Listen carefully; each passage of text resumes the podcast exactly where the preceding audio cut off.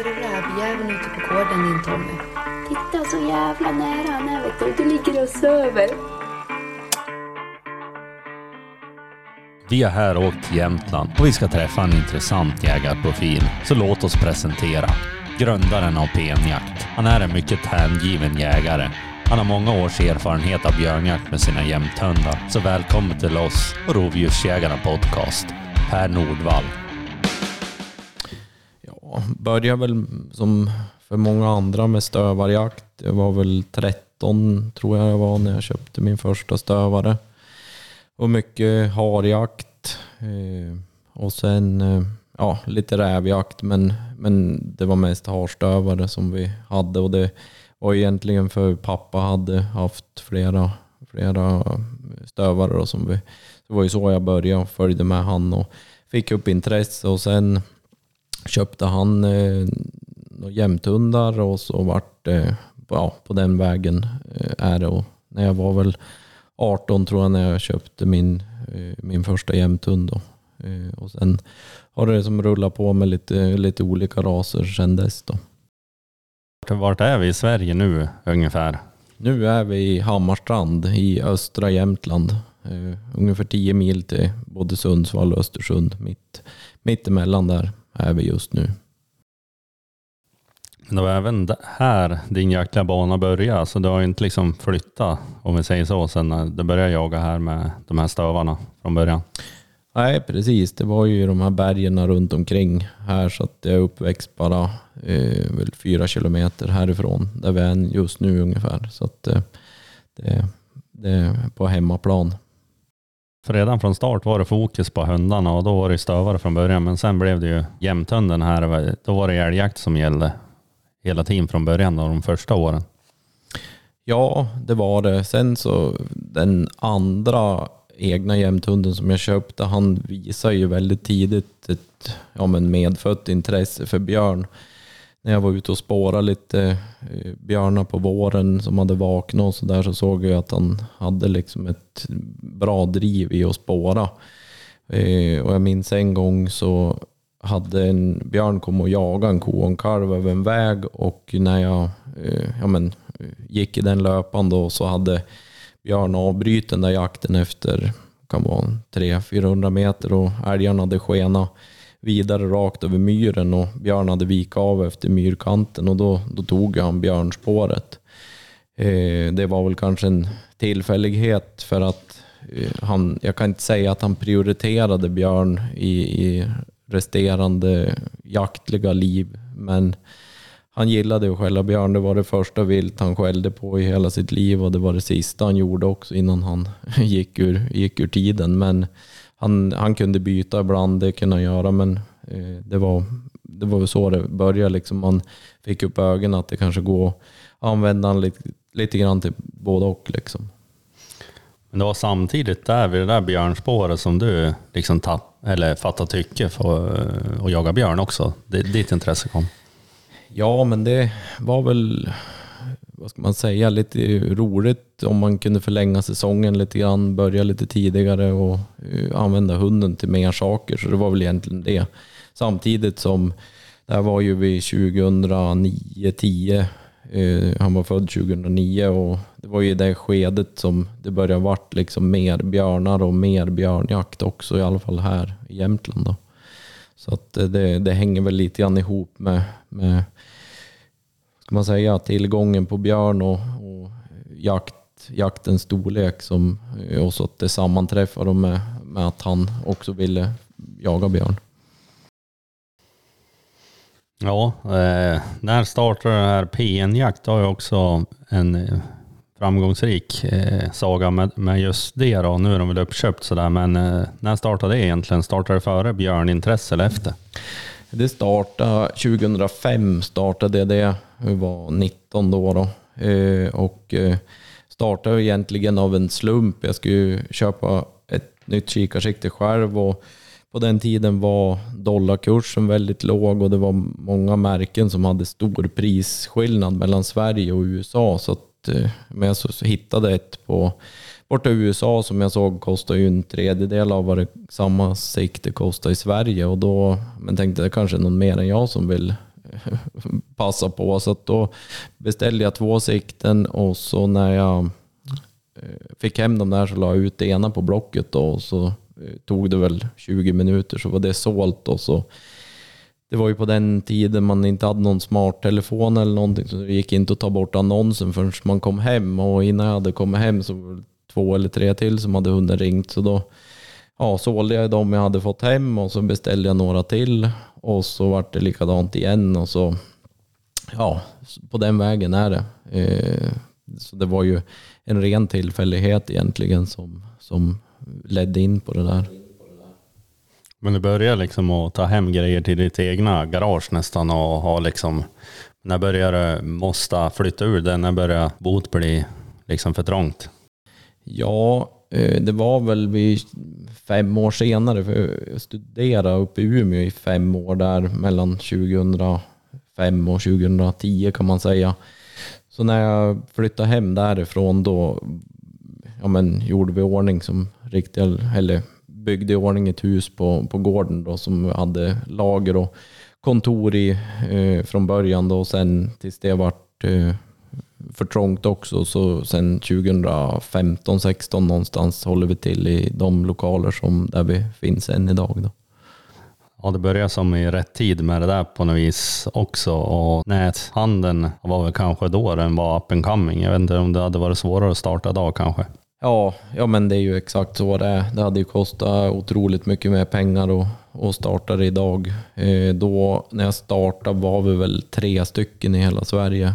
Eh, så att det var ju absolut rätt tid och, och det gick liksom. Och, ja, men jag studerade ju samtidigt under de första åren så att man hade ju som inga pengar att stoppa in liksom i marknadsföring och så vidare utan man var ju tvungen att liksom den lilla vinst som vart fick man återinvestera liksom i lager och ja, men kanske höja någon marknadsföringsbudget och så efter det så allt eftersom så, så kunde man öka på utbudet och man, på något vis så fick väl i alla fall en del av de stora leverantörerna fick väl som någon slags förtroende för en ganska tidigt. Så att eh, även fast man var väldigt liten så fick man komma in och bli kund och, och, och sen idag är vi ju på, hos flera av de här som var först ut så är vi ju störst i Sverige som eh, liksom återförsäljare. Så det är ju en rolig resa för, som man har jobbat med i, i många år. Finns det mer tid för jakten nu ändå? Ja, nu sista året eller åren har det väl varit mer tid. Eh, det har ju blivit mer och mer anställda så att eh, man är inte lika upplåst och uppbunden eller vad man ska säga och inbokad som, som det en gång var när man mer eller mindre var två, tre, fyra stycken som skulle sköta exakt allt. Då var det ju svårare att vara borta om man satt i bilen på jakterna och pratade telefon och sålde grejer och lyssnade mobilsvar och försökte pejla någon hund och det var ju som ett enda virrvarr av, av allting egentligen. Men nu är det ju som mer renodlat. Är man på jobbet så jobbar man och är man ledig så försöker man att vara ledig. Men den här jämthunden, vad var dens namn? Eh, han som jag pratade om förut, han hette Kogstabackens Hero. Han var född då 2009. Jag hade en jämthundstik innan han också, men det var den första jag hade från, eh, från valp om man säger. Så att han var första egna. Du har haft några till jämthundar också som har gått eh, ganska bra på björn eller har liksom varit björnskällare ändå? Ja, de flesta som jag har haft har väl skällt björn och jagat björn, liksom, men olika olika bra eller vad man ska säga, har haft lite olika egenskaper.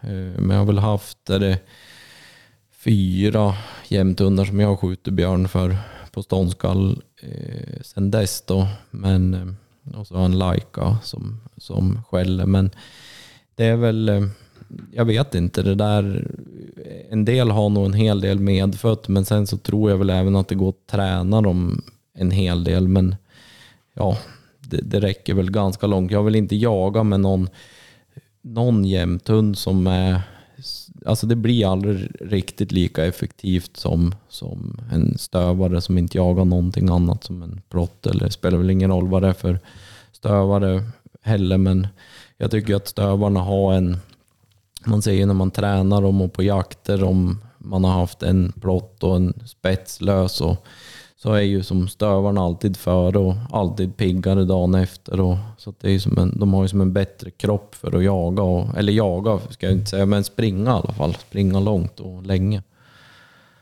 Tycker jag. Så att eh, det är väl det som är eh, en, en skillnad. Men det han hade egentligen, det var väl att han alltid tog Kände han någonting i ett björnspår så tog han alltid det och han kunde ju hålla på och spåra liksom en och en halv, två mil. Om det var 12-15 timmar gammalt också. Eh, men just längre tid och sträcka han skulle spåra desto större chans var det att det stod en älg i närheten av löpan så att det liksom sprack på grund av det. Och det är väl där största skillnaden tycker jag mot, mot idag. Men ja, det var hur, hur gammal var han då när eh, lyckades du skjuta någon björn för den här första jämtunnen? Eh, ja, jag sköt ja, men jag vet inte, 10-15 stycken under hans levnadstid. Men det var den första viltet jag sköt för honom. Det var en björn eh, och, det var, och då var han ju ett och ett halvt. Eh, och det kan man väl så här i efterhand diskutera om det var rätt eller fel att, att släppa han. Men han jagade ju från första släpp och till sista släpp och var ju alltid själv på alla björnar och han backade aldrig ur på någon och har ju haft förmånen att skjuta flera väldigt stora också. De har varit, den ena har varit elakare än den andra så att, uh, han, han hade väl som det där i sig på något vis tänker jag. Det måste vara speciellt att skjuta den första björnen för den här jämtönnen. Hur gick det till egentligen? Ja, ja men det var ju väldigt speciellt och han var ju ung och jag hade inte skjutit någon björn heller. Och vi hade hållit på flera dagar och försökt att hitta igen en björn som eh, ja, hade hållit, hållit till i ett område och varenda dag så, så stöp vi liksom i någon väg oftast, att vi tappade spår och räddade aldrig ut det. Och så, jag minns inte om det var andra eller tredje dagen vi hade gått bet så tänkte jag att då var det en contortaplantering som var en 12-15 hektar stor. Som, den hade ingen hund varit inne i så jag tänkte att innan vi bryter så lär jag gå igenom den och kolla.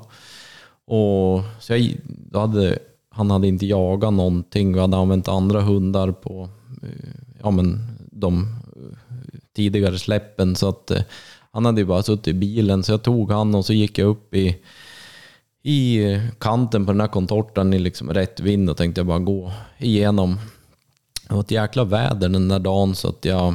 Eh, det spöregnade så att det, och jag var ganska blöt så jag bytte byxor innan jag gick och så gick jag upp i kanten där och släppte. Och gick in bara 10 meter så såg jag att det var stora stigar av den här björn. Eh, och eh, jag gick in en liten bit till och det var ju visten överallt och det bäddade under någon kontorta där. Och, och i, när jag ser det här då hör jag hur han tar upp eh, mitt inne i den här planteringen och satt ju postare runt om och gick som iväg i ett snabbt gångstånd upp mot ena passlinjen men av någon anledning så vände den tillbaks eh, och ner igen och mot den andra passlinjen.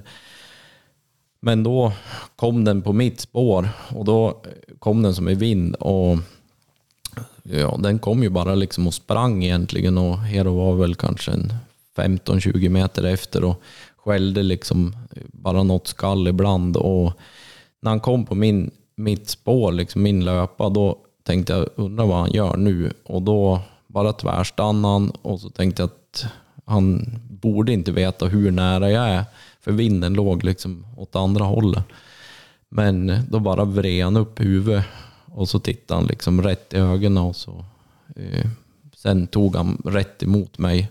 Och då visade det sig sen, jag sköt ju den där på väldigt kort håll och det vart ju väldigt eh, det gick ju fort allting och jag hade ju inte varit med om en sån där situation innan heller. Så att, eh, jag tyckte ju att det var jävligt eh, spännande givetvis, men man vart ju efter första skotten när han började vråla liksom och rulla runt där i gräset så började jag fundera var, om det var så bra han hade börjat på med. Men i alla fall så skulle jag dra upp mer skott då ur, ur fickan. Eh, hade skjutit tre skott så jag hade ett skott kvar i, i bössan och då hade jag ju bytt byxor så då hade jag inget mer skott. Så då hade jag bara det där som var kvar i loppet. Eh, så jag tänkte nu lär jag siktar bra innan, innan jag fånga av den. Men eh, det gick bra i alla fall och Hero kom ju alldeles strax efter och då visade det sig sen att då låg det en slagen älg kviga där inne i den där planteringen. Så det var väl därför han inte ville, ville lämna den, eh, skulle jag tro. Så att, men det var en 250 kilos björn, så det var som starten på i augusti där när han var ett och ett halvt. Vart det någon skillnad i liksom hur hunden, eh, liksom intresset för björn, ökade den med att inte fällde den här björnen? Nej, det vet jag inte om jag, om jag kan säga eh, direkt. Med flera andra hundar har jag ju märkt att det har ökat, men med han så känns det som att det var ganska lika hela livet. Det var, han hade alltid ett stort driv till det, men han hade väl liksom en... Eh, han bytte aldrig, vad jag vet, i alla fall från älg till björn, men någon gång bytte han ju åt andra håll. Inte när han hade kanske en björn riktigt på benen, men när han höll på att spåra i ett kallt spår till exempel så kunde han ju, om han stöp i en älg så kunde det ju bli älgjakt. Eh, men jag kan inte säga att det ökade direkt. Då undrar jag också, liksom, hur var han på älgarna? Var han lite het? Eller om man säger att en het jämt går bra på björn? Eller? Ja, han var ju helt klart åt det hetare hållet. Sen var han väl, jo, men det, det var han. Sen var han i alla fall under sina första, ja men han gick ju mycket på fart så att han hade ju ändå mycket ståndskall liksom på älgar. Men helt klart så var han ju, han var inte den här lugna eh, typen. Det var ingen hund som stod tyst med vilt i tio minuter innan han började skälla om andra ord. Nej, det gjorde han inte.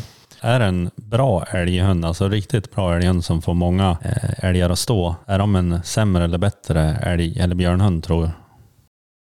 Det vet jag inte om jag tycker att det finns något, något klart samband. Det är säkert många som andra än mig som har större erfarenhet av, men jag, jag kan inte säga att jag har märkt något på, på de som jag har som har skällt älg eh, och, eh, ja, eller jagar björn bra eh, och samtidigt jagar älg. Då. Jag kan inte säga liksom något, något tydligt så, för jag har ju haft några av jämthundarna som är som lugnare typer, men de jagar ju björn också bra. Så att, ja, nej, jag tror väl mer att det sitter i, i huvudet, men sen det jag haft på ett par stycken som har jagat björn bra tycker jag när de har varit ung, men sen är det som att det har svalnat med åren. Det är inte att de har slutat jaga och de är inte rädd, men drivet har blivit lite mindre med åren. Så att när de börjar bli riktigt till åren så är det nästan som att det är bortväxt och det kan väl hänga ihop med att man skjuter mycket mer älgar än, än vad man skjuter björnar. Men det är väl ja, det är en, en grej sådär som, som eh, jag tänker på om man säger för Hero. Han hade ju som lika intresse, eller i alla fall inte sjunkande eh, med åren. Utan, men jag har haft ett par stycken som har jagat väldigt bra i ung ålder och sen har det liksom blivit lite, lite mindre och lite sämre eller vad man ska säga. Lite sämre förföljande och kanske lite lättare för att byta. Jag tänker, när, när börjar du presentera dem för björnen här då? Vilken ålder är det?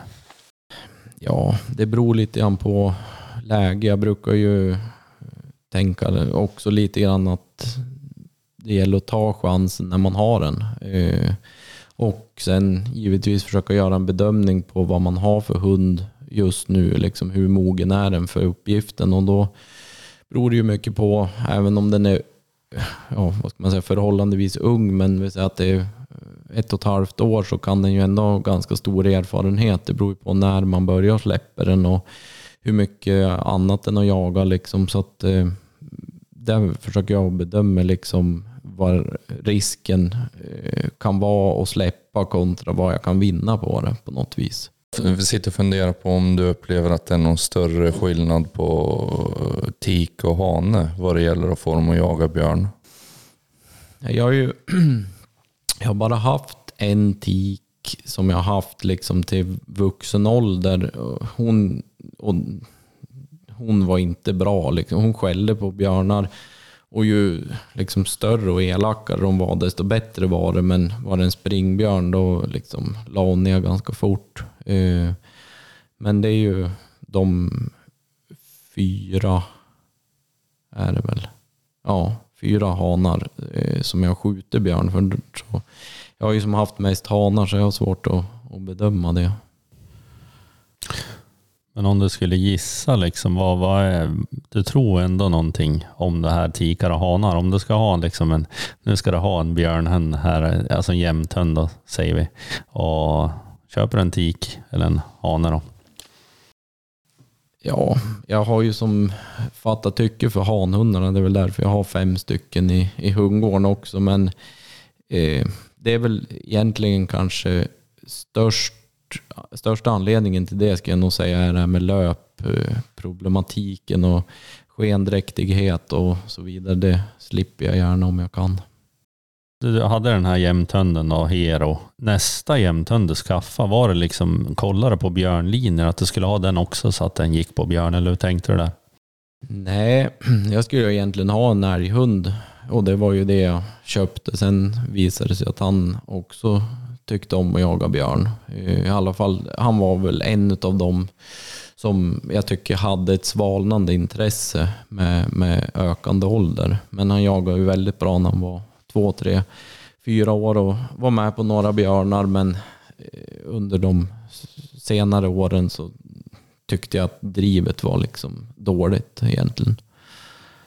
Då vart han bättre på älg då. Ja, eller han prioriterade väl det mer. Och, och även om det inte var någon älg så, så kunde jag väl tycka liksom att de släppte liksom tidigt eh, på, på en springbjörn till exempel.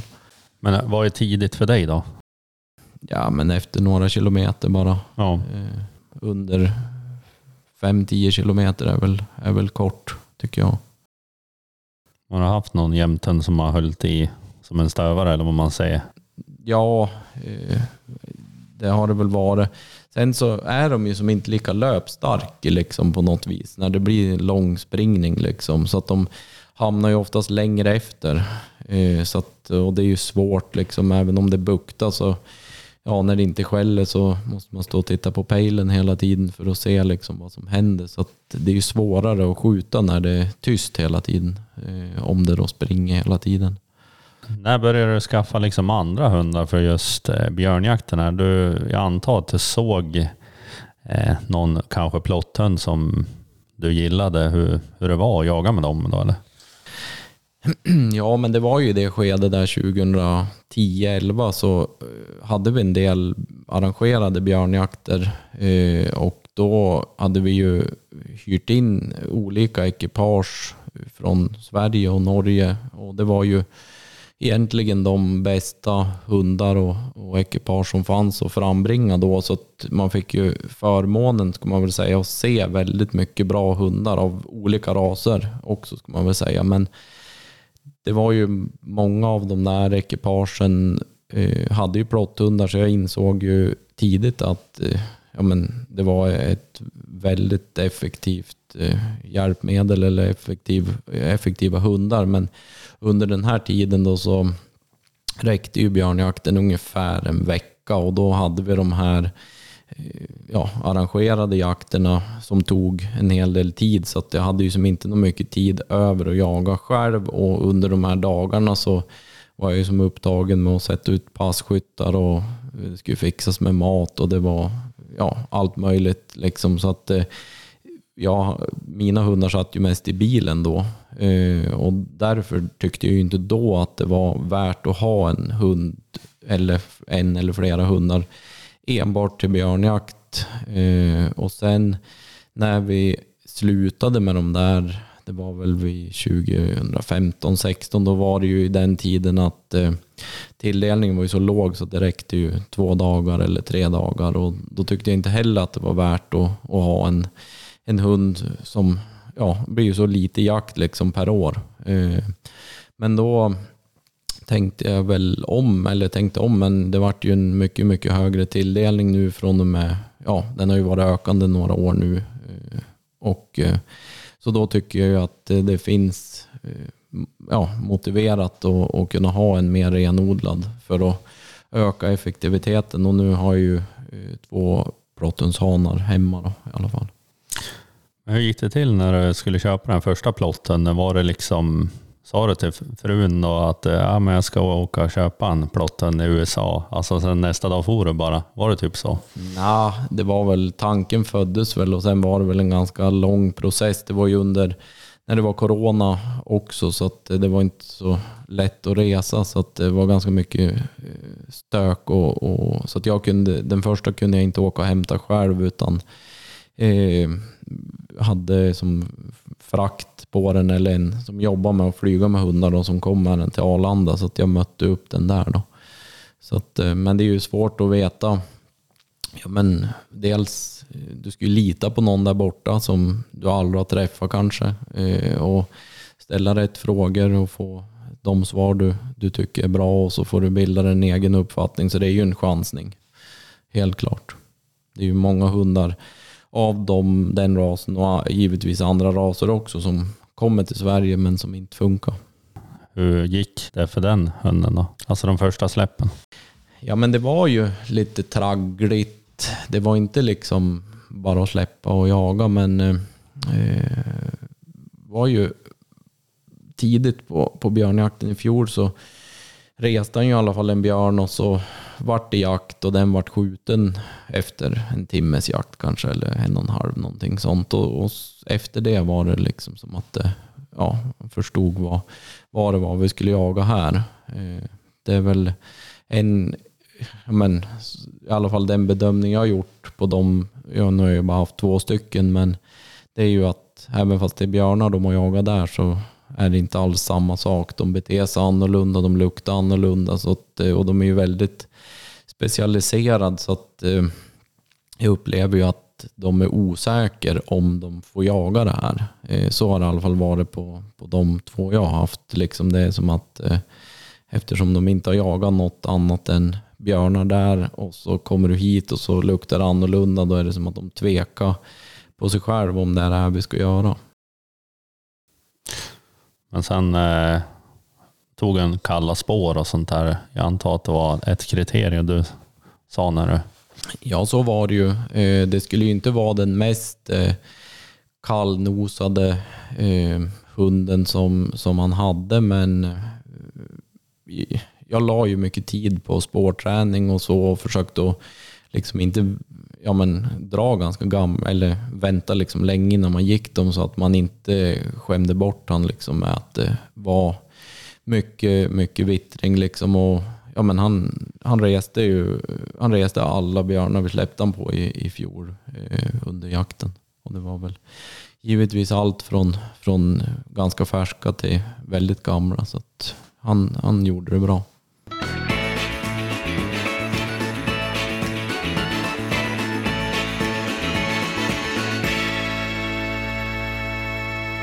Rovdjursjägarna med mig Tommy Mig Petrus. Och mig Erik. i samarbete med Hunter. Får jag tänka på jämthundar här. Alltså, har du liksom gått spår med dem också? För att, eller har du liksom, när läge har kommit, har du spårat då? Eller har du gjort? Ja, eh, tänker du på jakt under jakt eller i förebyggande? Ja, I förebyggande alltså, syfte. Ja, nej, det, jo det har jag gjort. Alltså, jag har ju spårtränat dem mycket också. Men det är som att, jag vet inte, jag tycker att spårträning ger en hel del på en ung hund innan du börjar jaga med dem liksom under unghund och valptid. Men sen får jag för mig att ja, jag vet inte om det har eh, någon större effekt egentligen.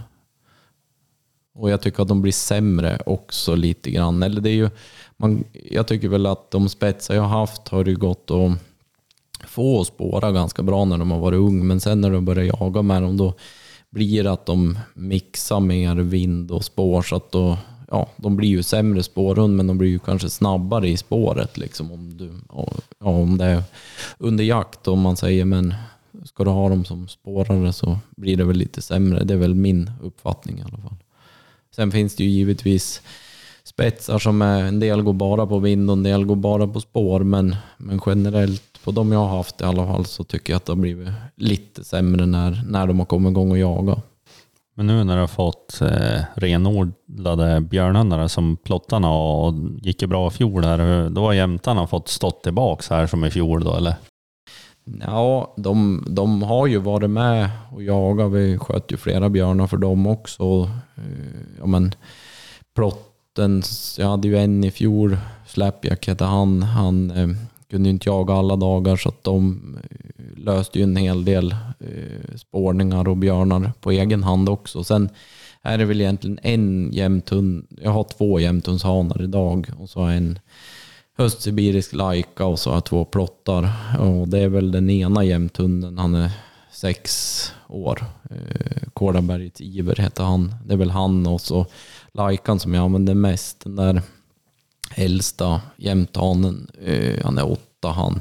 Tycker jag också har lite grann den här tendensen att ja, men han funkar bra på en, en björn som går och står. och liksom han kommer inte att backa ur men han eh, det är ingenting att ha liksom om det är någon som springer. Och sen med åldern också så har han ju, det bästa är ju som taget, eller vad man ska säga, det är inte samma fart som när han var tre. Så att det är väl också en, en anledning till att han används mindre. Ja. Men eh, om du släpper den här plotthundarna och sen släpper du jämtarna, så var för sig är det större chans, upplever du, att det blir ståndskall när du släpper en spets kontra de här plottarna? Ja, på mina hundar har det varit så, men eh, jag vet inte vad, han är väl kanske inte så bra på, på att få ståndskallplotten som jag har. Jag vet inte om han är för på eller vad det är, men det vill väldigt gärna fara och röra på sig lite grann. Det, eh, det är inte jätteofta det blir ståndskall. Det är det inte. Eh, sen så har det ju som haft en tendens sista åren också att bli mindre och mindre björnar. Eh, vilket gör att det också står sämre tycker jag väl. Så att det är väl, jag vet inte om det är en kombination men absolut blir det ståndskall ibland. Men jag har ju försökt att ha med en av spetsarna ganska ofta eh, också med han och då det är väl mest för att ja, men jag tycker att de är mer, eh, vad ska jag säga, de är mer eh, fokuserade. Alltså det är lättare när du kommer in på ståndskallet och veta vart du har björnen om det är tätt. Eh, och de skäller mer regelbundet och eh, sådär. Eh, så att det är väl någonting som gör att det oftast varit han och en spets och, och då står det ju ännu sämre egentligen. För det är väl någonting jag tycker är återkommande om man har två hundar kontra en så är det väldigt mycket sämre chans att få, få ståndskall om det inte är en riktigt stor björn. Men eh, flest jaktdagar det har du fortfarande på älg då, antar jag. Ja, så är det ju. I fjol var det ju mycket dagar på björn också för då räckte det ju ja, men till kring 10 september och så sen vart det några dagar till där andra svängen. Eh, Det vart ju inte så mycket som det blir på älg men det vart ju ändå mer dagar än vad det har varit på, på många år. Då får man eh, bättre hundar också, antar jag, när du får släppa dem lite mer. De är ju bättre tränad.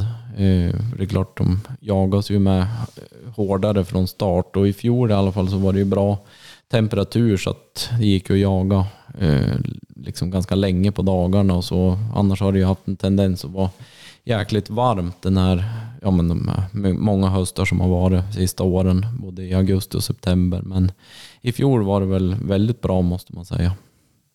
Om du rangordnar egenskaperna hos en björnhund, vilka liksom nummer ett, vad är det då? Ja, det är väl spårförmågan, alltså hitta igen björn. Eh, spårförmågan och eh, ja, men fokus, alltså på att inte jaga något annat. Sen kan jag tycka att det är ju många som pratar illa om eh, en, ja, men en älghund som skäller björn då, om man säger så. Vilket de allra flesta är och då är det ju inte bra om den tar upp en älg. Men det är som att om man släpper en stövar och den jagar en räv istället så är det som att det är mindre fel. Men det är ju egentligen, jag kan ju tycka att det är lika fel för om det är björn man hade tänkt jaga. Sen kan det ju vara att man har det med i beräkningarna så att det de jagar, eh, jagar man den dagen liksom. Men det, för mig är det ju i alla fall eh, effektiviteten ligger ju i att de inte jagar någonting annat eh, och, och spåra bra och länge och inte ge sig efter de spåren. Så att det är att hitta björnen, det är egentligen det viktigaste uppgiften hunden har. Sen, sen kommer vi till skärpa och mod då, eller, och ihållighet. Eller? Ja, precis. Det är väl det brukar ju bli antingen eller, eller en kombination, men det är ju antingen så springer de ju och då är ju ihålligheten givetvis väldigt viktig. eh, För att mycket så kan det ju vara att de springer ganska lång sträcka men sen stannar de. Eh, eller stannar av så att det blir gångstånd eller någonting. Men har du en hund som släpper tidigt och så blir det ju aldrig det där. Eh, och likadant att om det blir ståndskall så att de, de står kvar där och skäller. Eh, liksom och inte, inte backa ur för då är det ju ja, men, inte bra heller. Så att det är väl en, en kombination av de tre egenskaperna, liksom spårförmåga och skärpa och ihållighet. Det är väl det, det som är nycklarna kan jag tycka. Det känns ju ganska intressant här. Jag tänkte på det här jämthundar. Det låter som på det att nästan alla dina har ju jagat björn någon gång i alla fall. Som du har haft. Ja, eh, ja, alla har ju gjort det. Sen är det ju som sagt olika bra. Eh, och, men det är ju som ingen som har varit rädd för björn kan jag inte säga. Eh, ingen som har ja, liksom haft någon medfödd rädsla eller vad jag ska, man kan ju höra talas om hundar som bara går i benen och inte söker ut eller ja, men, vad som helst så. Men så har inte någon av mina varit utan de har väl varit intresserade av det och, och jagade när de har fått chansen. Men då som, som sagt olika bra. Man har hört många liksom som har släppt sina, ja, speciellt jämthundar och det är väl den vanligaste hundrasen också eh, som vi har till älgjakten här och det finns ju var och varannat hem. Eh, alltså när de släpper den, det, de vill inte jaga. Är det liksom för att de släpper dem på natten då eller hur har du gjort då? Har du prövat någon liksom synobs eller att den kommer på någon bild och du har far och släppt den då eller har du väntat tills det blev ljust? Hur har du gjort? Mm, jag har aldrig släppt en hund i, i mörker. Inte på, inte på björn. Jag har inte gjort och kommer nog inte att göra heller om jag inte absolut måste. Och skulle jag måste så tar jag nog någon som jag vet klarar av det i så fall. Jag skulle aldrig släppa en ung hund eller någonting sånt i, i mörker. Ja, man har ju varit med och gjort det själv också. Att släppa en hund i mörker bara för att veta att man, de kommer ju få kontakt. Det är väl mest det. Som att det är ju svårast att resa en björn inbillar man ju sig. Helst när man kanske inte har lika mycket björn heller så har man inte lika många tillfällen. Men så på dagtid då har det gått bra för dig när det är ljust. Ja, det har det gjort. Det har det gjort.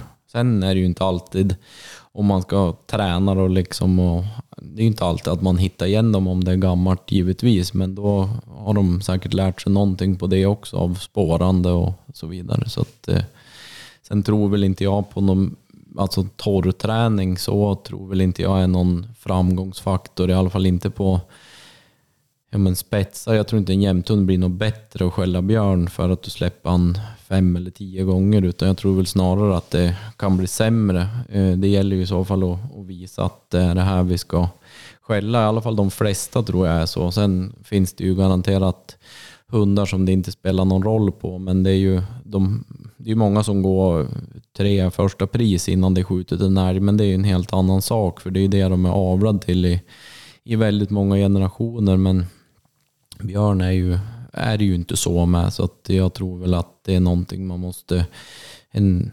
liten inbyggd osäkerhet om det är det här vi ska jaga eller om det är en liten rädsla på vissa hundar så att de får vara med och vinna. Liksom. Att det är det som eh, bygger många hundar och, och gör att de får mer fokus och, och mer glädje i det. det.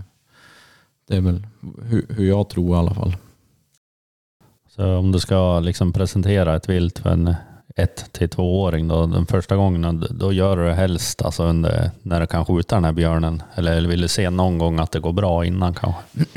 Ja, jag är väl inget fan av att, att träna hundar när det är jakt. Alltså då skulle jag ju hellre träna då efter avslutad jakt så att man är, vet i så fall inför nästa år hur det, hur det funkar och inte. För att det brukar ju inte vara jättemycket lägen och då vill man ju gärna släppa någonting som funkar när, om man då har ett läge.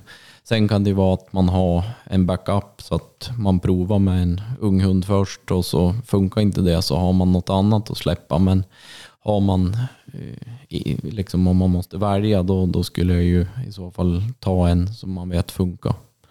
Om man inte kan ha båda typerna av hundar på plats. Då upplever du alltså liksom att det är, en spets är mycket mer bytesmedveten så att det är viktigare att skjuta för den när, alltså, på, när du väl släpper den det är för en stövare plotthund. Jag tror att det är ganska viktigt för en, en plotthund också, eller en stövare, eh, att de får vara med och vinna. Men vad ska man säga, den stora skillnaden tror väl jag i alla fall på en, en om man tar en jämthund i alla fall, är ju att de är avlad så väldigt många generationer på att jaga älg. Så det är ju någonting helt annat. Stövare med rovdjurslinjer har ju ändå en, en avelshistorik eller vad man ska säga i kanske att jaga rovdjur. Och då, men jag tror att det är viktigt, för björnen är väl i alla fall ett av de absolut Typ tuffaste vilten för en hund att, att möta och då tror jag i alla fall att det är väldigt viktigt att de får vara med och vinna. Och det tycker jag man har sett i flera av hundarna i alla fall att de växer väldigt mycket. De kan vara eh, ja, men lite avvaktande kanske första och sen när det är skjutet då, då till andra så är det en, en helt annan sak. Den här Laikan du har, det tänker jag att den skaffade ju lite grann av nyfikenhet och för att jaga björn med. Mm, ja, jag var nyfiken att prova en, en ny ras eller en till ras och det tycker jag har varit en, en rolig bekantskap eller vad jag ska säga. Han varit duktig. Eh, han var ju champion ja, men, första hösten och eh, skjuter ganska mycket björnar åt han eh, redan. Han varit tre nu i januari. Så att, han, han har verkligen levt upp till, till förhoppningarna som jag hade att han skulle kunna göra. Har du känt att det var någon skillnad på den gentemot om vi säger jämthundarna här då? Att du såg att det var en liten annan ras förutom färgen? Ja, i stor skillnad på utseende i alla fall till att börja med. Men eh, han, jag vet inte, har, för han har det varit väldigt naturligt att, att jaga björn. Det har från första släpp varit eller men lite grann som med Hero, att ja, men han jagar lika gärna eh, och det har som aldrig varit några tveksamheter. Eh, men det är ju alltså, svårt att jämföra dem för att jag har ju haft en hel del jämthundar med bara en lajka så jag vet ju som inte hur genomsnittet eller vad man ska kalla det är. Men om man bara tittar på han mot jämthundarna så tycker jag att det är värre fart. Det är, ja, det är mycket bra grejer som, eh, som eh, jag har sett liksom i han som jag kanske inte har sett i jämthundarna på samma sätt. Och sen just den här bytes han är inte bytesmedveten att han är elak, men, men det är som att du kan prägla dem mer och styra mer, får jag liksom känslan. Så att eh, skjuter du ja, men, mer rovdjur så, så tror jag att det intresset växer i en annan, ja, på ett annat vis än, än hos många jämthundar. Och det kanske är den här att de har en historik i att det jagat väldigt mycket olika vilt. Jag vet inte. Eh, men jag får för mig det i alla fall. Men jag hade ju någon tanke när jag köpte han att eh, då hade jag ju hade jag fyra jämthundar i hundgården och så vart han som femte kugghjulet liksom och så tänkte jag men då kanske blir han duktig så kan man köpa varannan jämthund och varannan lajka så man har lite både och. Men nu måste jag, jag, jag vet inte om jag ska köpa någon mer jämthund. Inte som det känns nu i alla fall. Jag tror nog att det blir en lajka igen. Men hur, hur har den varit? Om man säger liker, om man säger bak i tiden så känner jag att de har varit mer kontaktsökande och jagat med föran och kanske haft ett trängre sök. Eh, men det här är en mer jämnt lik Laika. Ja, han, han jagar ju väldigt lika en sån. Eh, om man, alltså han har väl ett, ett bra sök. Eh, om en, jag vet inte, jag tycker att det är ganska, om man nu ska ha ett sök så tycker jag väl att det är bra. Eh, han är ute en 8, 7, 8, 900 meter, en kilometer och så kommer han tillbaka. Så det går ju med en väldig fart så att en sån tur tar ju liksom ja, 10 minuter eller någonting sånt där. Eh, och sen har han ju långt förföljande och eh, ja, han skäller ju hela dagen i alla fall så att det räcker till. Jag tycker väl om det där, den inställning som han har är ju att han ger 110 procent eh, då på ja, men liksom det vilt han hittar. Då är det ju liksom det i... Eh, han skäller nog inte tror jag. Ja, men som flera av jämthundarna skäller 25 och 30 och 40 timmar. Liksom. Och det är jag tveksam till att han gör. Men han, jag har sett någon gång efter, men när de har skällt kanske, eh, titta på en jakt från i höst, han har skällt på en älg i två timmar och det hade rört sig en 700 meter kanske. Då hade han sprungit 2,3 mil under de två timmarna. Men det är ju runt, runt liksom. Han är ju väldigt aktiv och han utmanar ju älgen hela tiden, eller björnen. Och han, har ju som, ja, han ger ju som järnet där inne. Eh, och det är klart att står du på 10 meter och står ganska still och inte drar på dig något mycket anfall så är det klart att du kan stå och skälla väldigt länge. Eh, men det är som sagt, eh, jag har bara haft en, en enda och det är för lite. Jag kan, kan inte säga hur, hur snittet är men jag har väl förstått i alla fall att, eh, ja men precis som du säger med sök och så vidare. Men så är väl inte han och det är väl inte så jag skulle vilja ha en Laika heller. Det passar inte mitt jaktsätt. Jag, om man får upp ett vilt om dagen så vill jag inte att den ska hålla i bara en kort bit och sen komma tillbaka. Det har jag ju som inte någon större nytta av. Det känns ju också som att den aveln går ju åt eh, lite mer åt jämthundshållet. Det är väl det också. Jag tror att det är nästan försvunnit det där om man hör på folk som skaffar liker och sådär. Men eh, hur är den byggd i kroppen? Du säger att den är väldigt snabb och sådär. Är det liksom något anatomiskt eller? Han är väl stor är han ju, men, men jag tror... Eh, jag har ju sett och jagat med liker som är, är ja, men liten också. Jag tror att det ändå sitter i inställningen. Det sitter i huvudet. Eh, tror jag, för att... Eh, ja, låter det som att man pratar ner jämthundar, men jag, jag får ju för mig att väldigt många av dem skulle kunna springa snabbare än vad de gör. Eh, men att man kanske håller i håller igen de där sista kilometerna i timmen liksom för att, av någon anledning. Jag vet inte men...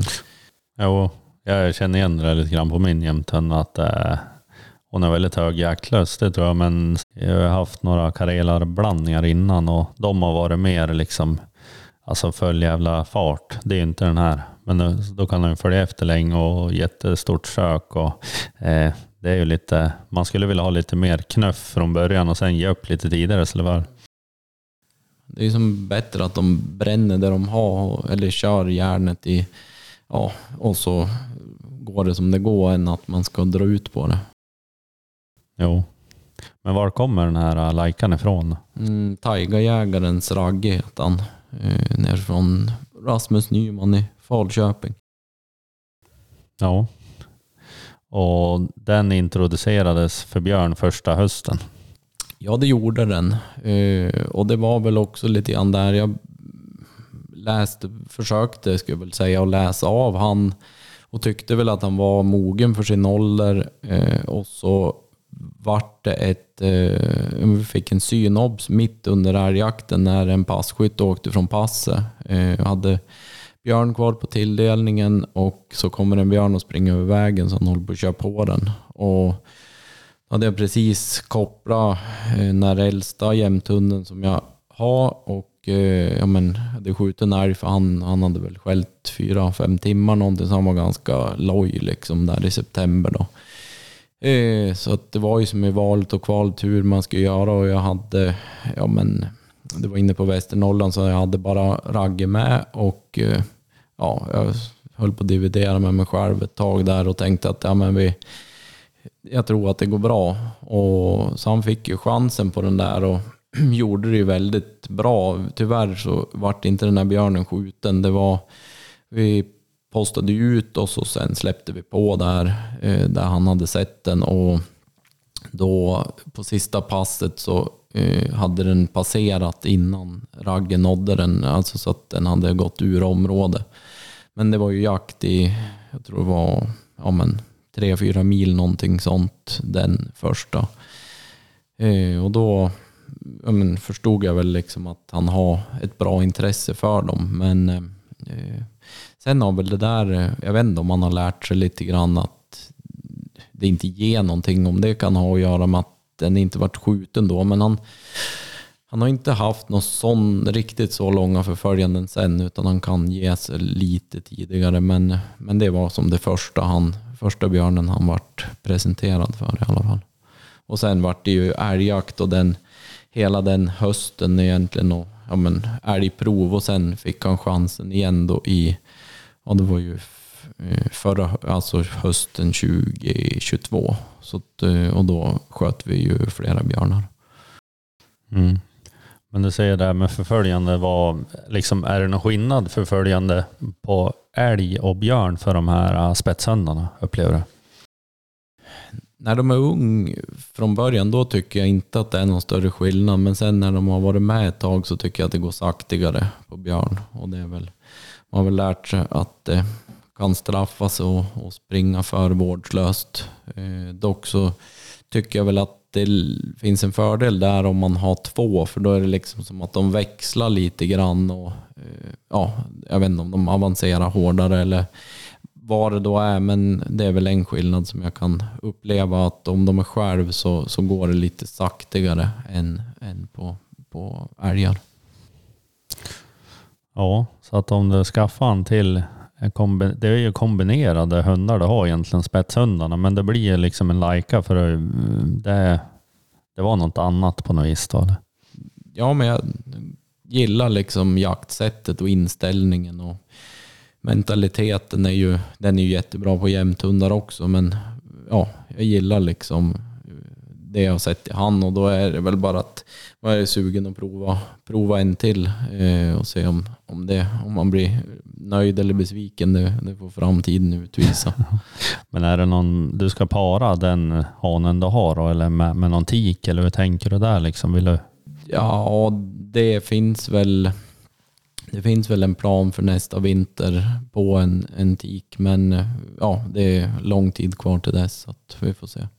Någon minnesvärd jakt då med liksom någon av de här jämthundarna? Har du någon sån här speciell som ligger lite varmt om hjärtat där de gjorde det här extra bra eller det hände någonting speciellt? Ja, men det skulle väl kunna vara med den där Hero som jag hade så fick jag ju skjuta. Ja, dels den första björnen var ju givetvis ett, det kommer man ju aldrig att glömma, men det var något år senare så var det björnar kvar i, inne på Västernorrland. Det var sista helgen i september och eh, ja, vi träffades ju och skulle jaga, jaga älg och eh, ja, men vi lottade områdena där vi skulle gå och jag gick och så släppte jag och så såg jag liksom att han ganska fort tog ett spår. Och så ja, var det rimfrost liksom. Det hade varit lite minusgrader på natten så jag gick ju liksom och tittade i de där spåren och såg att det var några väldigt stora björnspår som han hade följt. Eh, och eh, ja, han höll på att spåra den där några kilometer och sen kom det ett upptag eh, och det stod fast in i en contorta. Och då tänkte jag att det är nog ganska stor sannolikhet att det är en björn som man skäller på. Så jag tog mig iväg eh, ner över någon å och upp över ett berg. Och mitt i det där berget så korsade jag en myr och då, där syntes ju björnspåren väldigt tydligt i, i mossan eller i torven som var frusen. Då. Eh, så att då ja, kom jag in på det där och ja, det var som väldigt ofta inne i de där kontorterna så är det lövsly och det är gräs och grejer. Men i alla fall så efter en stund så fick jag ju läge på den där björnen och fick skjuta den och det var ju en, jag vägde 305 kilo. Eh, vart eh, största björn det året som, som sköts i Sverige. Så det var väldigt roligt. Det var 2012 eller 2013 tror jag.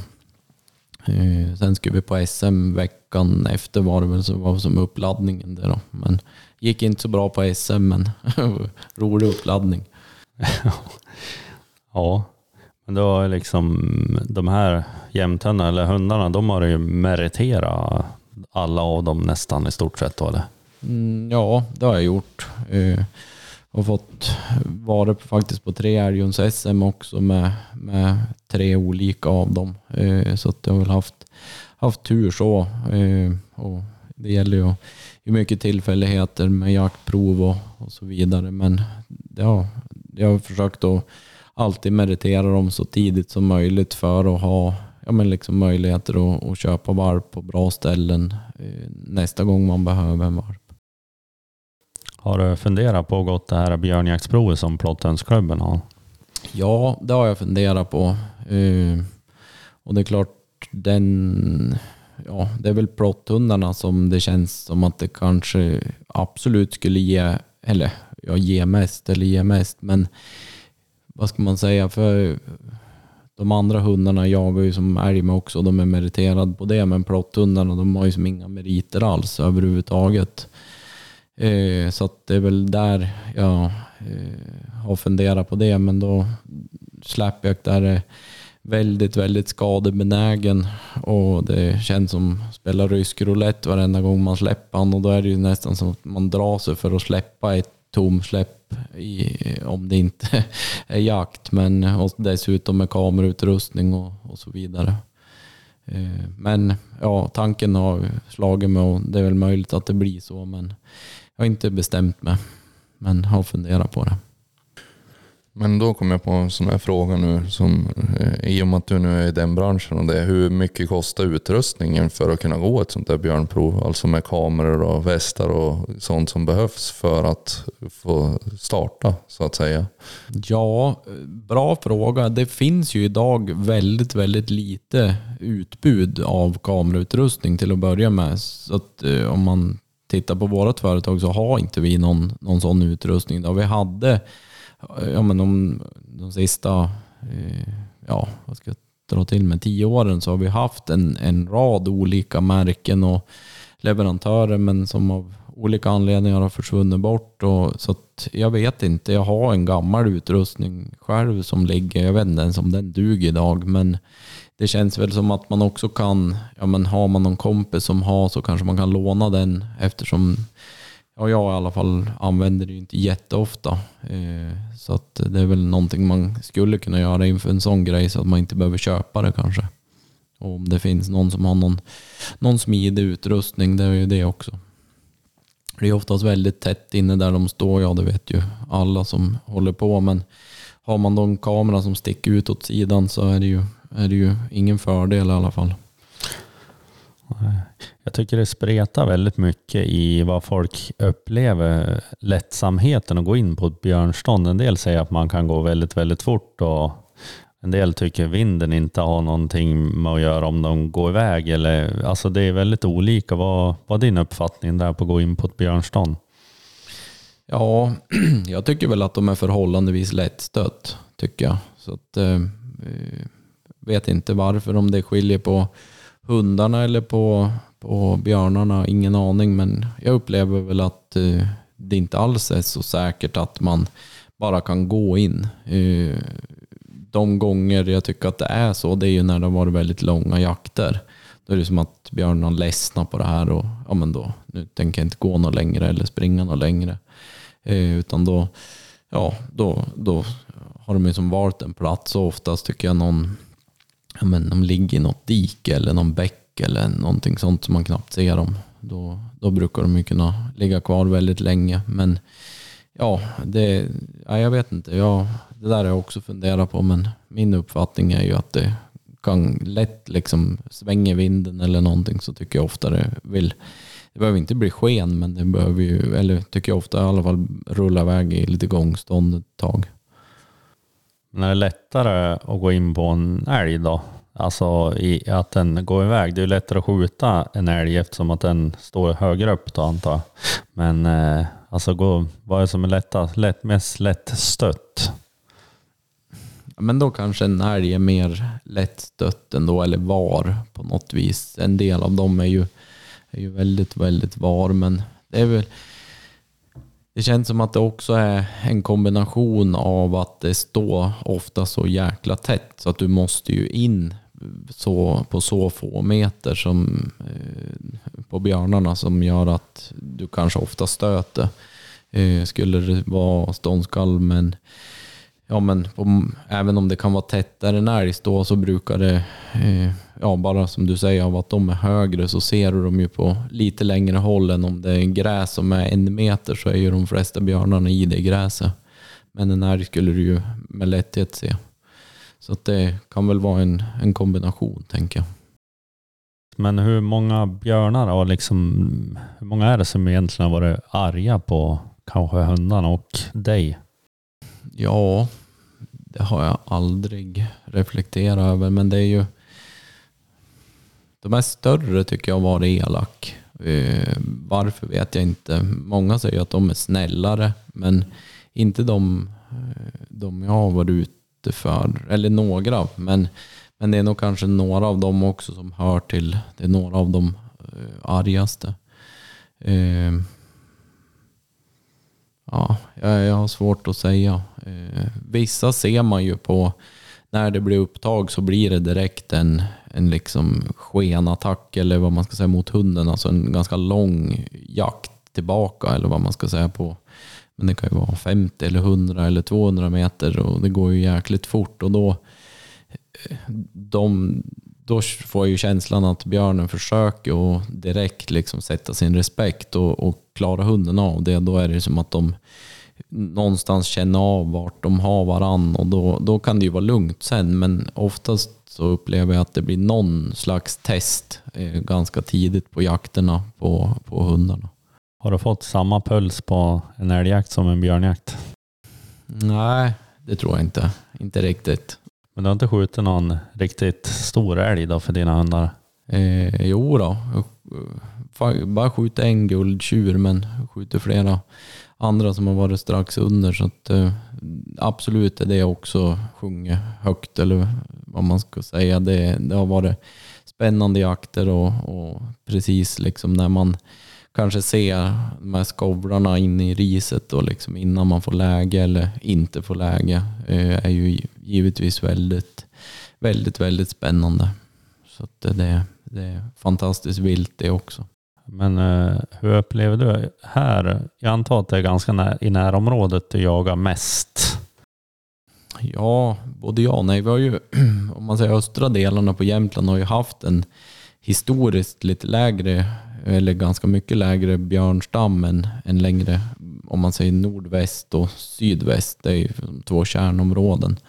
Så att eh, just på marken här hemma så det är ju inte alls vanligt att det är liksom någon björnvisten. Oftast inte alls. Men eh, nu har det ju kommit sista åren och i fjol sköt vi ju första björnen här på marken här hemma. Och det är vad de äldre i laget säger så har det ju inte gjorts det under liksom modern tid. Så att det är ju något slags trendbrott. Och det är, det är väl det det kommer in, vandra in björnar från lite alla möjliga håll. Och så, så att, eh, men vi har inte historiskt haft mycket björn utan det har ju oftast varit ja, inte jagat så mycket här hemma förrän sista året, eller ja, sista åren kan man säga. Upplever du någon inverkan på hur älgen står om det finns mycket björn kontra där det inte finns så mycket björn? Blir de liksom mer svårare för hundarna att få dem att stå? Ja, eh, kanske till en viss del eller till en början. Eh, absolut så kan det väl vara så. Eh, men jag vet inte. Vi, ja, vissa marker är det ju bättre och vissa är det sämre på. Jag vet inte om björnen är förklaringen till det riktigt. Det kan nog vara liksom jag tror väl mycket är det ju sammansättningen på älgstammen. Alltså har du en ung älgstam så är det ju betydligt besvärligare att, att få dem att stå i alla fall. Men eh, ja, både en ung och kanske lite halvgles, då är det ju besvärligt. Liksom. Så att, eh, och det börjar det på, på ganska många håll så att det är väl därför det, det, är, ja, men det gås ju mindre med jaktprov på, eh, i många klubbar och så vidare. Så att det är väl en, en orsak där. Vad tror du kommer ske sen nu då när älgstammen blir sämre och sämre? Kommer folk skaffa, skaffa andra hundar nu och kombinera kanske? För björnjakten har väl ökat de senaste åren i alla fall. Och, eh, hur- vad ser du där då? Svårt att säga. Eh, jag tror väl kanske också, det har ju varit, om man tittar historiskt så var det ju väldigt mycket småviltjakt längre tillbaka och så var det väldigt mycket fokus på älgjakt. Så det är väl möjligt att fler eh, går tillbaka till det kanske, köper stövare och eh, finspetsar och så vidare. Det känns som att intresset för björn är väl, absolut är det väl stort, men det är ju långt ifrån alla som har liksom eh, viljan eller motivationen att skaffa en björnhund. Och det är väl kanske inte heller, vad ska man säga, en kombihund. Ja, du får lite mer jakt, men det är väl också, finns väl nog ut, eh, liksom långsiktiga mål att björnstammen i alla fall i Jämtland och Västernorrland också ska ner lite grann och då kommer ju jakten att sjunka även på det. Så att jag vet inte hur, svårt att sia om hur, hur mycket björnjakt det också kommer att vara i framtiden. Det är väl också en, en när vi pratar om stigande eh, stammar så är väl en, en jakt som jag tänker kanske borde öka, i alla fall här i området. Och det är ju järvjakten. Det är ju en explosionsartad uppgång på, på järv. Eh, så att, eh, och i fjol, ja det var ju en sån där två dagars session på i alla fall det här delområdet. Så att eh, det är väl någonting som, ja men i fjol började första december som skulle kunna vara en, en grej som man kanske kan jaga om man får plottarna och, och jaga det så att man förlänger säsongen lite grann för dem. Hur är det med dina spetshundar då? Har de liksom tagit upp eh, järv också? Jag tänkte eftersom att de har ändå jagat mycket björn, det är väl lite mer åt det hållet i alla fall än en renodlad. Ja, Älg. de, de jagar järv. Eh, I alla fall de bästa, om man säger. De som har varit bäst på björn. Hero där som jag hade förut, han var ju fenomenal på dem. Eller ja, då var det ingen jakt på dem så då såg man det ju mer som ett problem. Men han bytte ju väldigt ofta från älg till järv och så stod han och skällde på dem. Men eh, då hade vi också eh, väldigt mycket och sen var det väl en del skyddsjakter i det området tror jag på någon vinter som stammen sjönk ju lite grann där. Men man ser ju på många håll att det blir mer och mer järv och det, det kan väl vara en, en jaktform som, som skulle gå att använda dem till även lite senare på hösten. Då. Om man säger jämthundar, du har inte presenterat någon grävling för dem, alltså innan den här björnen. Man har ju många som liksom presenterar grävling först, för då ser du ju, ja helst stövarna, där ståndegenskaperna, men jag tänker också att det, det är ju inte dömt för spetshundar heller. Nej, jag har skjutit grävling för, ja, men för alla spetsar och jag tror att jag har gjort det som första vilt på alla utom den här Hero. Eh, så att det är väl ofta så jag börjar också men eh, ja, jag, jag har aldrig stött på en, en spets som inte skäller på en grävling. Liksom. Så det känns ju som en straffspark på något vis. Men det är klart de får vara med och vinna. Och ja, det är ju ganska naturligt för en spets liksom att skälla ståndskall och de, de, ja, det bygger nog självförtroende, absolut tror jag. Och, så det är nog ingen, ingen dum grej. Nej, så är det nog. Men det kan ju vara på en, en eh, stövare tänker jag, liksom att man vill se lite, ja men där kan det ju skilja ganska mycket mellan hur det är ståndskallsegenskaperna och man kan vara med och eh, uppmuntra dem liksom på, på ett annat sätt liksom in, på nära håll. Så där kan det väl finnas ännu större fördelar kanske om man vill kolla det. Jo, men det blir väl lite så också. En stövare är ju inte gjord för att ta emot som en spets är. Nej, precis. Det är ju liksom, stövaren ska ju ha dem att springa bara. Rent eh, historiskt. Absolut. Jag tänkte på, du har haft många jämthundar som fungerar. Har du liksom prövat någon i, i det här björnhägnen som finns nu lite överallt tänkte jag säga? Ja, eh, ja i två stycken har jag varit på prov med. Det var den där Hero som jag hade och så hade jag den som jag hade efter han som hette Simexen Jannu. Ingen är godkänd. Alltså var det före eller efter de fungerade i skogen? Ja, det var ju mitt i kan man säga. Eh, Hero skällde. Jag minns inte vad det var som, han var väldigt, om det fattades en poäng eller en halv poäng. Eller, ja, det var väldigt nära att han vart godkänd. Eh, Jannu skällde inte ett skall. Inte på hela, ja han var ju där i fem minuter eller någonting. Så att, eh, men han skällde ju bevisligen i skogen. Det visar sig Så att- på hallgolv eller vart du har de här björnarna, jag vet inte. Ja. Det känns som att eh, det kan vara en bra värdemätare men det funkar inte på alla hundar. Det, det, Men en smart hund räknar väl, det är väl samma som att gå och ta en hund som du har jagat jättemycket i gryt med och så gå till ett konstgryt. De räknar ut efter tre sekunder att det här är inget kul för jag kommer inte åt det jag ska jaga så att säga. Utan det är bara fake. Och vissa är det liksom som en falsk trygghet att jag skäller för jag har ett galler emellan. mm, mm. Det får man ju för sig. I alla fall nu har inte jag stått och tittat på så många björntester eller prov. Men när man går på en konstgrytsträning så ser det ju mycket sånt att ja, men den här kommer inte våga skälla ute. I, om den får en smäll så kommer den ju vara ja, överallt annat än i kvar i grytet.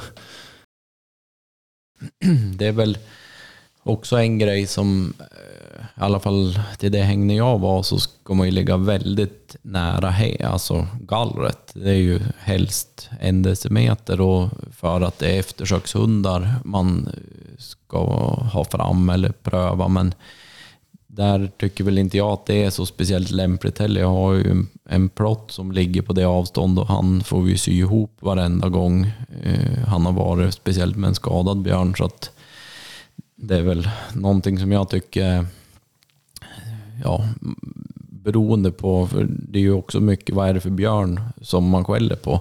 Men det kanske går att stå på en meter på vissa, men gör du det på nästa så blir du ihjältagen. Så att det är väl avståndet tycker inte jag säger alls allt, utan att det är väl mer att man skulle önska att de har en hjärna så att de anpassade avståndet lite grann ibland. Men det jag upplever du, alltså att generellt att jämthunden har mer hjärna på så vis, alltså den har självbevarelsedrift. Ja, eh, det, det tycker jag väl. Hade en, eller den sexåringen Iver som han heter, han hamnade väl i, i eh, famn på en björn i fjol, men annars, jag tror inte jag har haft någon som har blivit skadad eh, alls av de andra. Eh, så att då han klarade sig bra från det också. Så att det, det är ju skadefrekvensen på mina jämthundar i alla fall är då väldigt mycket lägre än på de här med hängöron. Ja, men är det inte så att Plott, von Plott, han som tog fram Plotthunden kom från Tyskland så det måste vara tysk jaktterrier i dem.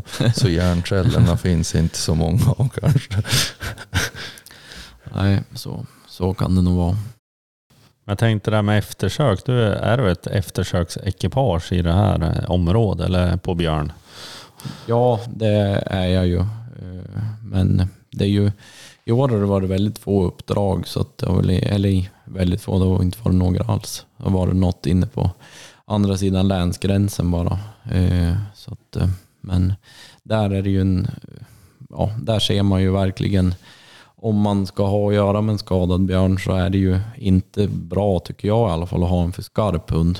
Eh, och, ja, man ser ju ofta folk släpper på mer hundar om det blir eftersök, men jag brukar nästan tänka tvärtom bara för att undvika skador. Men alla är ju olika och hundarna är framförallt väldigt olika och man tänker olika. Men det beror väl mycket på vad man har för hundar. Om de triggas liksom av, av varann och så, så kan det ju bli ödesdigert och, och göra fel.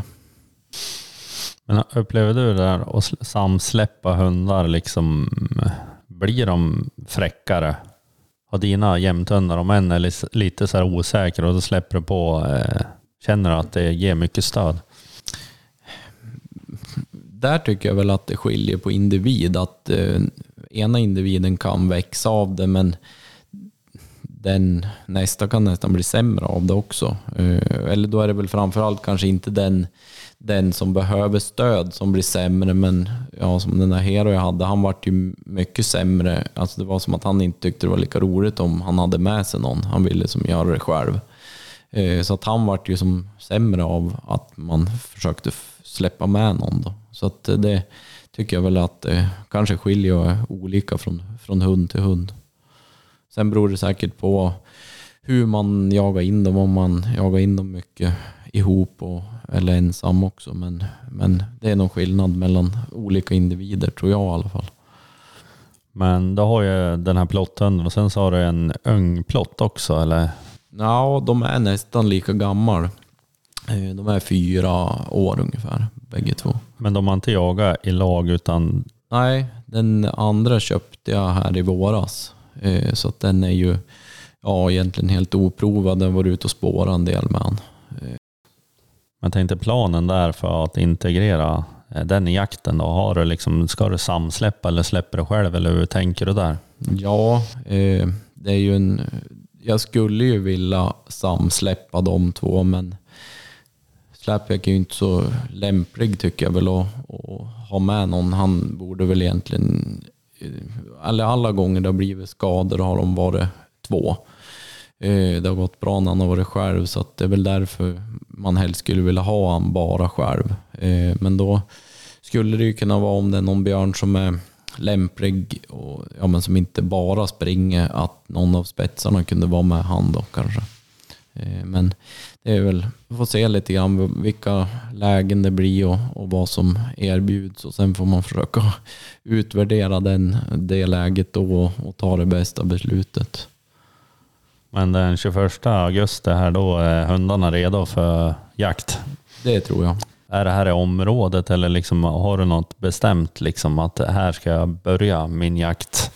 Nej, eh, det har jag inte utan det kommer vi väl att se här lite närmare hur, vart det blir och det är inte säkert att det blir i Jämtland eller Västernorrland heller utan det kanske blir någon snabb visit söderut eller ja, vi får se lite grann hur det verkar för det, det var det väldigt lugnt med, med björnar med synobsar och det har inte varit några björnar liksom in i byar och så som man har hört talas om som det alltid brukar vara.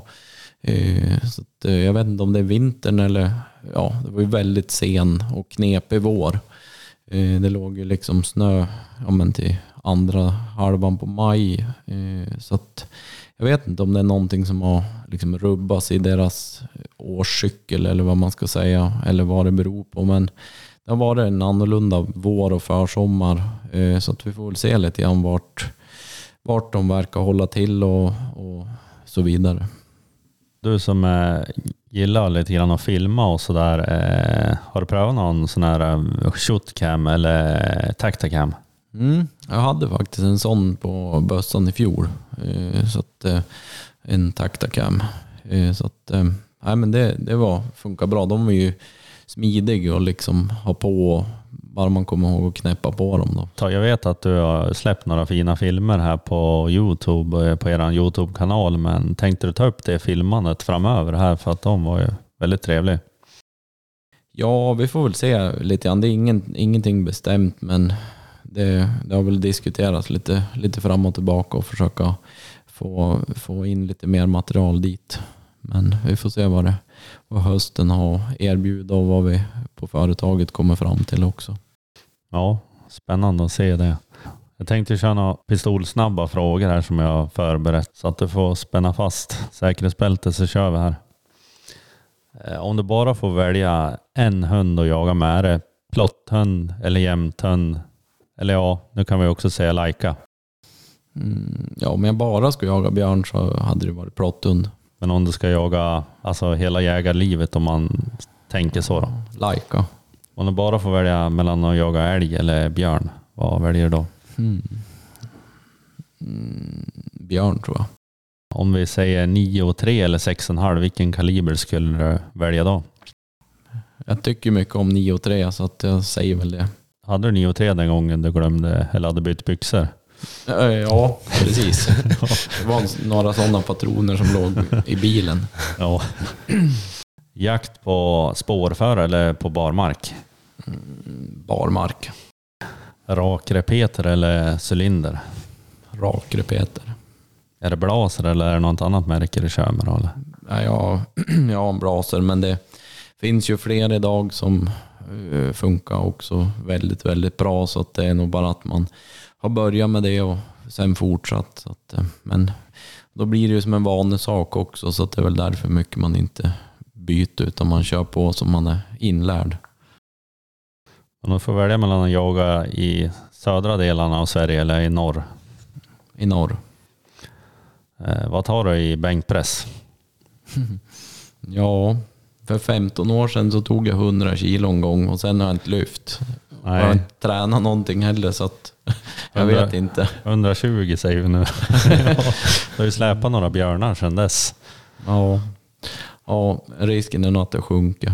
De har ju vägt mycket så det var ju tre, över 300 kilo någon där. Ja, jo, precis. Men det beror på om det vart några mer kilon där. Jag tror inte det. ja, ja. Nej, men tack Per Nordvall och PN Jakts grundare här för att du var med på Rovdjursjägarna podcast. Det var väldigt trevligt att prata med dig. Tack själv. Tack så mycket. I det här avsnittet så reste vi till Jämtland och vi kommer att åka på fler poddäventyr. Så glöm inte att följa oss på Spotify eller där ni lyssnar på poddar för att inte missa allt vi har planerat. Vi har hållit på ett helt år nu och det är dags att ge något tillbaks till er lyssnare. Så i samarbete med Minifinder så ger vi bort en Rexham Pale. För att gå med i tävlingen så gå in på vår Instagram, Rovdjursjägarna podcast och följ instruktionerna där. Och nu på söndag då släpper jag också en ny rävjaktsfilm med Erik och hans duktiga hundar på Patreon. Det finns mycket extra avsnitt från podden där. Tack som fan för att ni lyssnar på oss. Vi hörs.